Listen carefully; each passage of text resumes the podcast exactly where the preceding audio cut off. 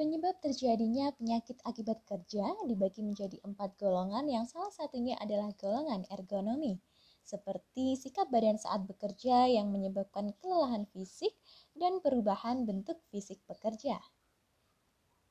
Ergonomi sendiri adalah ilmu yang mempelajari keefektifan penggunaan objek fisik dan fasilitas manusia.